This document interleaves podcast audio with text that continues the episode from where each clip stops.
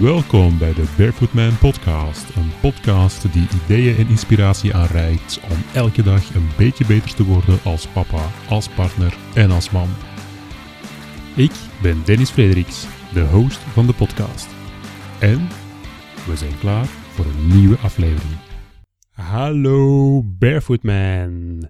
Welkom bij deze nieuwe samenvattende aflevering van de Barefoot Man podcast.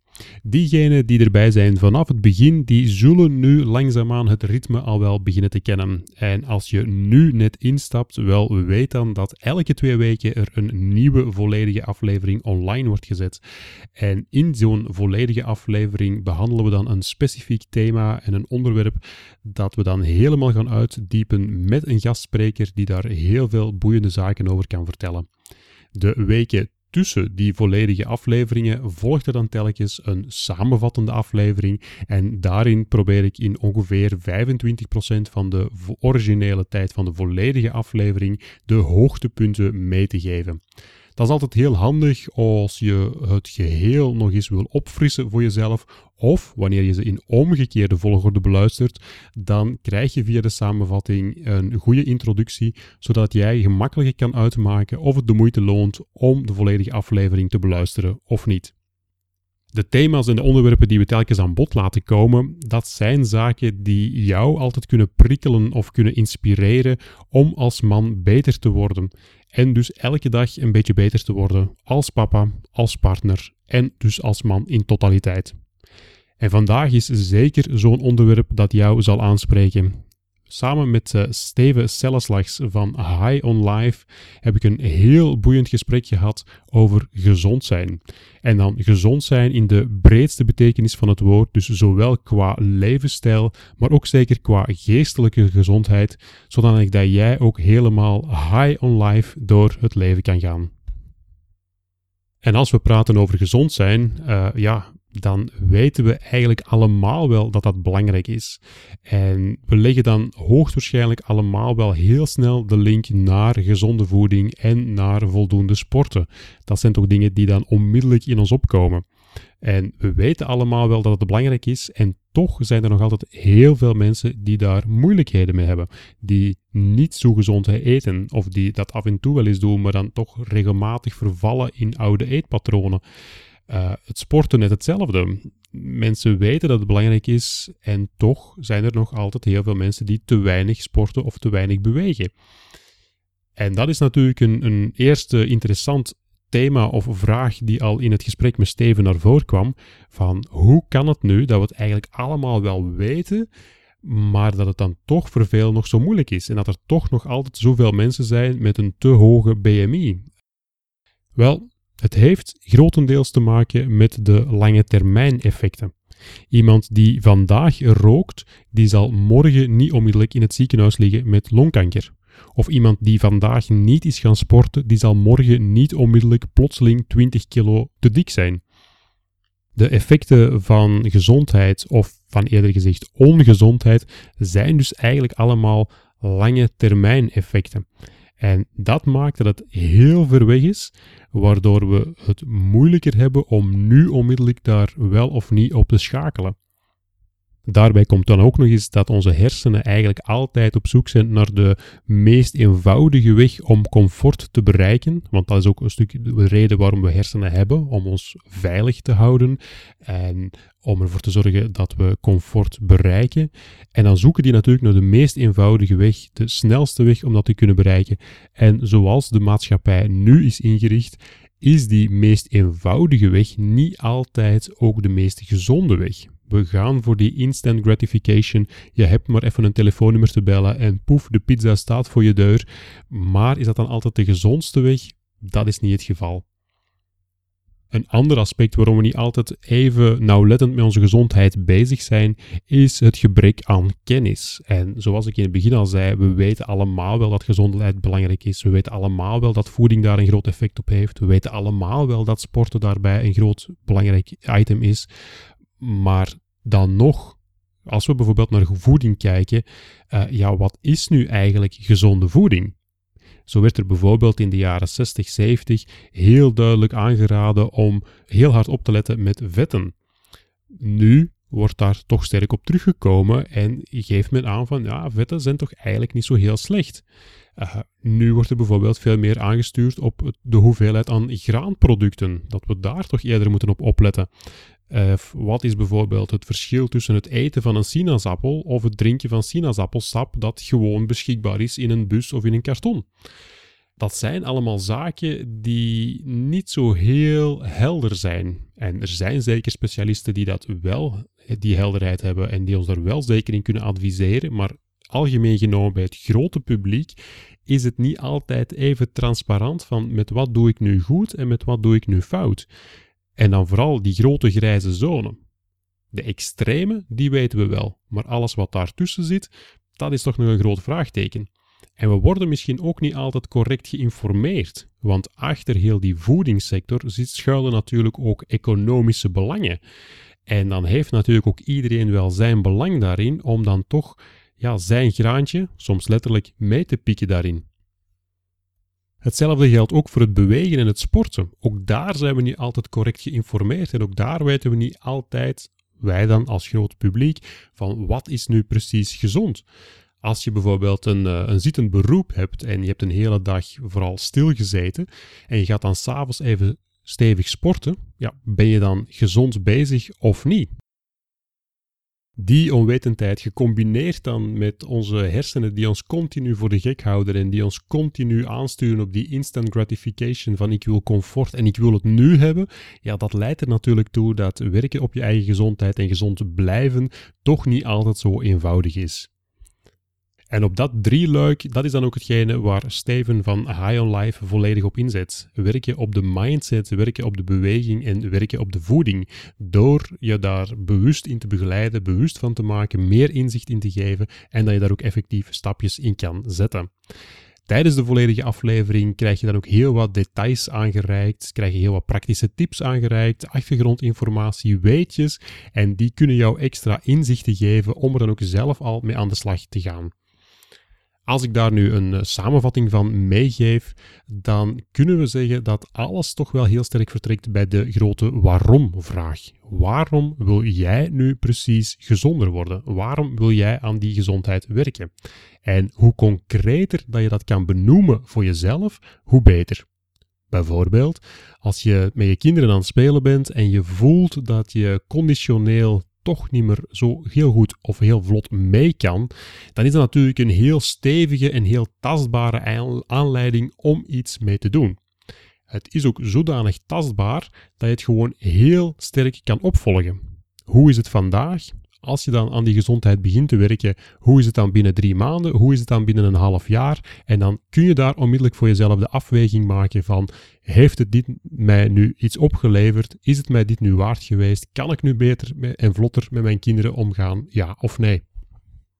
En wanneer je die aanleiding te pakken hebt, dat is dan echt de trigger, de driver die jou continu vooruit kan stuwen om eraan te werken dan moeten we eigenlijk een beetje vechten tegen ons eigen brein, want dat brein wil continu naar die gemakkelijkste weg zoeken. En een verandering is nooit de gemakkelijkste weg. Dus dan komt het er vooral op aan om met hele kleine stapjes die verandering aan te brengen. En de stapjes zodanig klein te maken dat het eigenlijk niet kan mislopen, dat je niet kan falen in die stapjes. Op die manier kom je in een positieve mindset terecht, want dan zie je van hé, hey, ik kan hier die kleine stapjes maken, ik kan hier vooruitgang brengen in datgene wat ik wil bereiken. Dan kom je echt in een positieve spiraal terecht. En daarmee kun je dan ook nieuwe routines opbouwen, nieuwe gewoontes kweken om het effectief te blijven volhouden. En wanneer je zo een gewoonte en een routine volledig geïnstalleerd hebt voor jezelf, dan wordt dat eigenlijk de nieuwe eenvoudigste weg voor je hersenen om te bewandelen. En dan blijf je die dingen ook permanent doen. Een mooi voorbeeldje dat Steven daar meegaf is het feit dat onze smaakpapillen regelmatig veranderen. En als we dus ons voedingspatroon aanpassen, doordat onze smaakpapillen ook regelmatig veranderen, gaan we de smaak van onze nieuwe eetgewoonte dan ook veel meer appreciëren dan de oude voeding. En op die manier wordt het dan ook veel gemakkelijker voor jezelf om naar gezondere voeding te grijpen dan te blijven hangen in die oude ongezonde voeding. Maar het komt er natuurlijk op neer om dan wel die eerste discipline aan de dag te leggen en die eerste belangrijke stapjes te zetten om daarin te slagen en op die manier het geheel in beweging te brengen en op die manier een nieuwe, makkelijkste weg voor jezelf te creëren. Qua lichaamsbeweging is het eigenlijk net hetzelfde. Je hoeft niet plotseling een marathon te gaan lopen, maar elke dag een beetje meer bewegen, elke dag kleine stapjes zetten, in dit geval letterlijk dan, dat helpt je om daar ook weer die routine in te brengen en dan zo gezonder te worden. Want het gaat tenslotte over beweging, het gaat niet zozeer over sporten. En de vraag die ik er straks al stelde, van als je een hele dag gezeten hebt, kun je dan s'avonds dat compenseren met die stevig te gaan sporten? Wel, dan is het antwoord heel duidelijk nee, dat kan je niet. Ons lichaam is gemaakt om te bewegen. Ons lichaam is niet gemaakt om stil te zitten. En elk uur dat we stilzitten heeft een negatief effect dat we eigenlijk niet meer kunnen compenseren.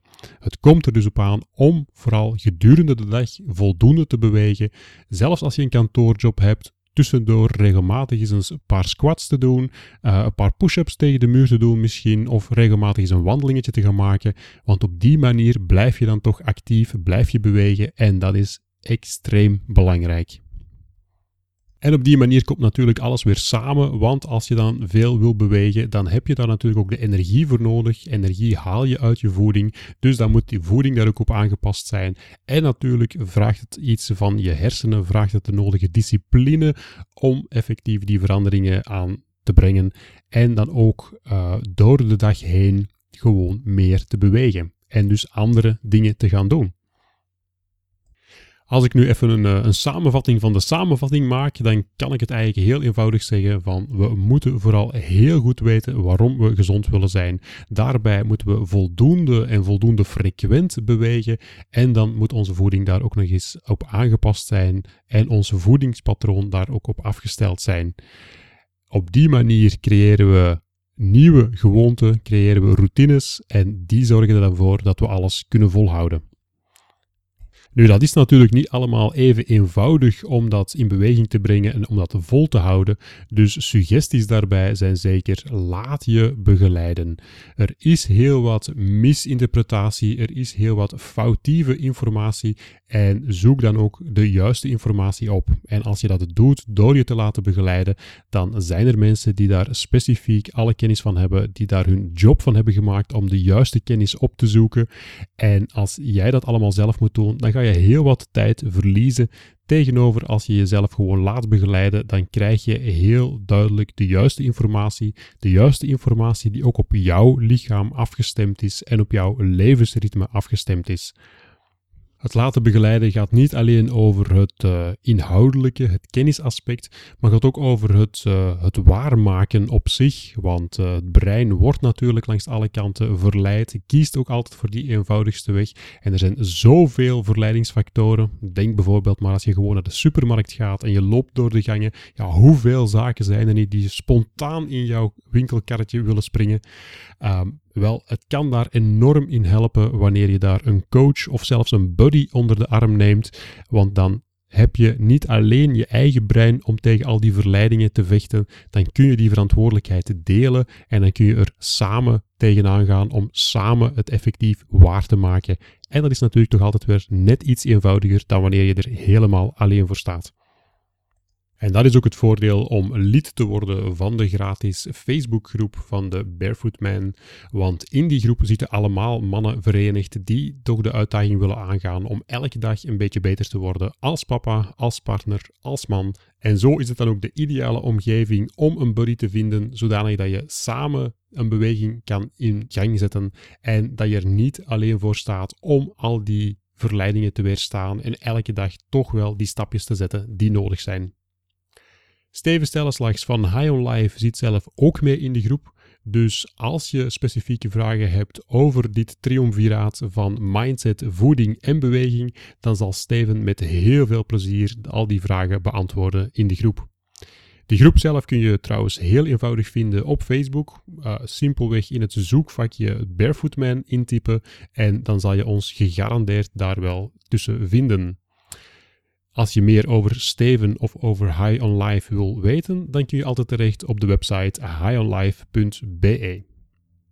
Zo, dat was het voor de samenvattende aflevering van deze keer. Volgende week zijn we er opnieuw met een lange, volledige aflevering, waarin we dan opnieuw een uh, nieuwe gast hebben en de diepte induiken over een nieuw onderwerp dat jou kan stimuleren en kan prikkelen om misschien toch weer via dat onderwerp dan ook weer een beetje beter te worden. Beter als papa, beter als partner, beter als man in totaliteit. Alvast tot volgende week met het nieuwe onderwerp en de nieuwe gast. Bye.